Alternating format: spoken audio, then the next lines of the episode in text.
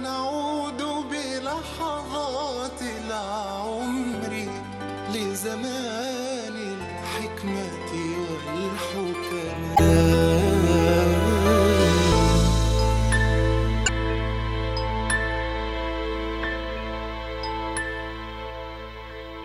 بسم الله الرحمن الرحيم الحمد لله والصلاة والسلام على سيدنا رسول الله وآله وصحبه ومن والاه.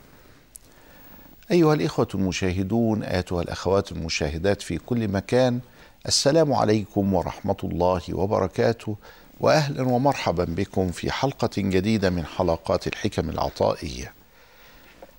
سيدنا ابن عطاء الله السكندري ترك لنا هذه الحكم من أجل أن يصف لنا الطريق إلى الله وكلها تشرح هذا الكنز المخفي تحت العرش كما وصفه رسول الله صلى الله عليه وسلم لا حول ولا قوة إلا بالله. ولا حول ولا قوة إلا بالله في حقيقتها هي ذكر من الأذكار العشرة من الكلمات الطيبة العشرة. والعشرة الطيبة منها خمس يسميها أهل الله بالباقيات الصالحات وذلك لأنها تبقى من بعدنا تطيش العبارات والصراعات والاختلافات ويتبقى عند ربنا سبحانه وتعالى الباقيات الصالحات. سبحان الله والحمد لله ولا إله إلا الله والله أكبر ولا حول ولا قوة إلا بالله. وبقية العشرة الطيبة إنا لله وإنا إليه راجعون. حسبنا الله ونعم الوكيل. أستغفر الله توكلت على الله والصلاة على سيدنا رسول الله صلى الله عليه وسلم. وهذه العشرة معروفة لدى المسلمين وهم يسبحون ويحمدون ويكبرون في إثر الصلاة في دبر كل صلاة بعد انتهائهم من الصلوات. ودائما يستغفرون الله ويهللون بلا إله إلا الله ودائما عندما يصابون بشيء يقولون آآ آآ إنا لله وإنا إليه راجعون وعندما يستدعون كفاية الله سبحانه وتعالى لهم ويقولون حسبنا الله ونعم الوكيل سيغنينا الله من فضله ورسوله. يقولون كثيرا توكلنا على الله ويقولون كثيرا لا حول ولا قوة إلا بالله. إن هذا الذكر يقوم ويغسل الإنسان من ادرانه إن هذا الذكر هو أول الطريق. فإن الطريق في الحقيقة مقيد بالذكر والفكر. الذين يذكرون الله قياما وقعودا وعلى جنوبهم ويتفكرون في خلق السماوات والأرض ربنا ما خلقت هذا باطلا سبحانك فقنا عذاب النار. ففي بداية الطريق لا بد من الذكر ومن الفكر. والذكر قد يكون باللسان وقد يكون بالجنان وقد يكون بهما والجنان هو القلب. اذا فعندنا في الشريعة برنامج كامل يستطيع المسلم أن يتبعه وأن يقوم به وأن يسير عليه. برنامج كامل ليس فيه توهيمات بل فيه تكليفات أوامر ونواهي ولكن أيضا عندنا تفاصيل. فعندما يأمرنا رسول الله صلى الله عليه وسلم أن نستغفر الله وهو يقوم بأن يستغفر الله في اليوم مئة مرة. عندما نصلي على النبي صلى الله عليه وسلم ويقول من صلى علي واحدة صلى الله بها عليه عشرا ومن صلى عليه عشرا صلى الله بها عليه مئة ومن صلى علي مئة صلى الله به عليه ألف. هذا هذه الأحاديث تبين فضل صلاة المؤمن على رسول الله صلى الله عليه وسلم. إن الله وملائكته يصلون على النبي. يا أيها الذين آمنوا صلوا عليه وسلموا تسليما.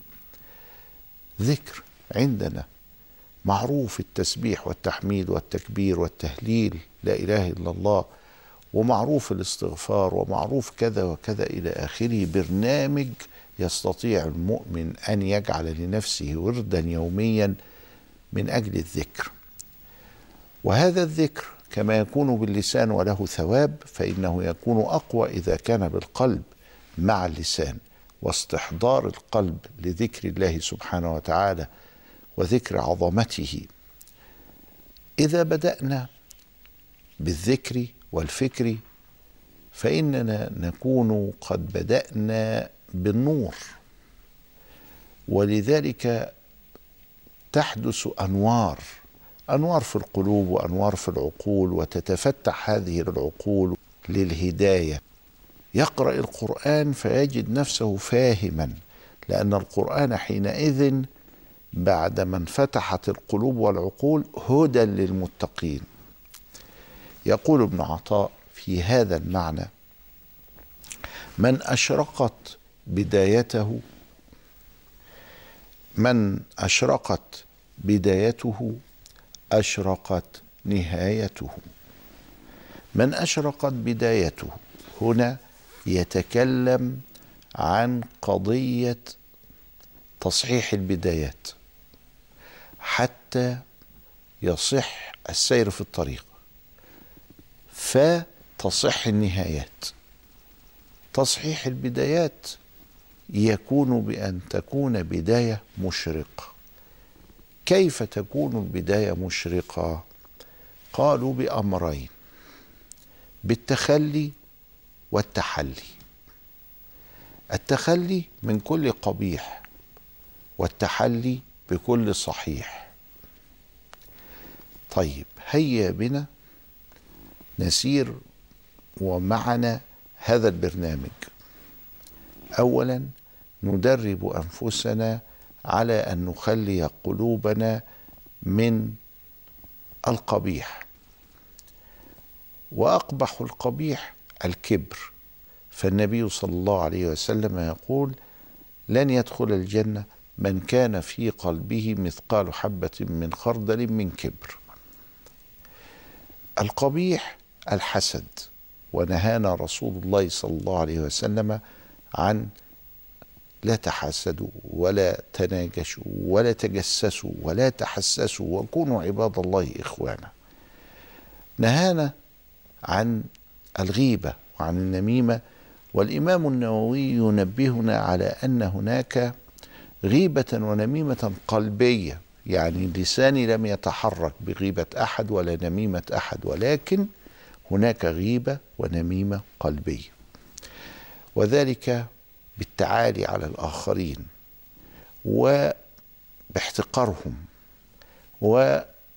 وبوضعهم في وضع فيه بطر للحق. أحاول أن أخلي قلبي من كل هذه الصفات القبيحه القلب لا يعرف الفراغ لا يعيش في فراغ. إذا ما خليناه من الكبر وخليناه من الحسد ومن الحقد ومن الغيبة والنميمة ومن التعالي ومن التبرم ومن الغضب الغضبية ومن الغيظ فإنه تحل مباشرة مكان هذا ال ال هذه المعاني يحل الحب والتواضع والكرم والجود. الفرق بين الكرم والجود أن الكرم هو عطاء لمن طلب. يعني واحد بيطلب منك حاجة وانت تعطيها له. أما الجود فهو العطاء من غير طلب. ولذلك كان رسول الله صلى الله عليه وسلم ليس كريما فحسب بل إنه كان جوادا وكان أجود ما يكون في رمضان. كان كأنه الريح المرسلة.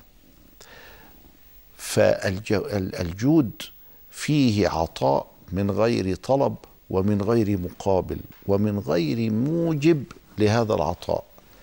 أما الكرم ففيه عطاء ولكن عندما يطلب منك الإنسان أو أن هناك موجبا قد دفعك وجعلك تفعل هذا. التخلية والتحلية. إذا حدثت تخلية القلب من القبيح وتحلية القلب بالصحيح يحدث ما يسمى بالتجلي فإن الله سبحانه وتعالى وهو نور يتجلى للإنسان في قلبه يفتح على الإنسان ف وكأنه يرى الله. آه، اعبد الله كأنك تراه فإن لم تكن تراه فهو يراك ويراقبك. وفي كل شيء له آية تدل على أنه واحد. كما قيل رأيت الله في كل شيء يعني رأيت أن الله سبحانه وتعالى هو الخالق وهو القادر وهو الذي إليه المنتهى من أشرقت بدايته؟ كيف تشرق البدايات؟ بالتخلي والتحلي بالذكر والفكر ثم بعد ذلك يحدث التجلي وهو الإشراق. من كان هكذا حاله أشرقت نهايته فاللهم اجعلنا من أولئك الذين أشرقت بدايتهم حتى تشرق نهايتهم. إلى لقاء آخر أستودعكم الله والسلام عليكم ورحمة الله وبركاته.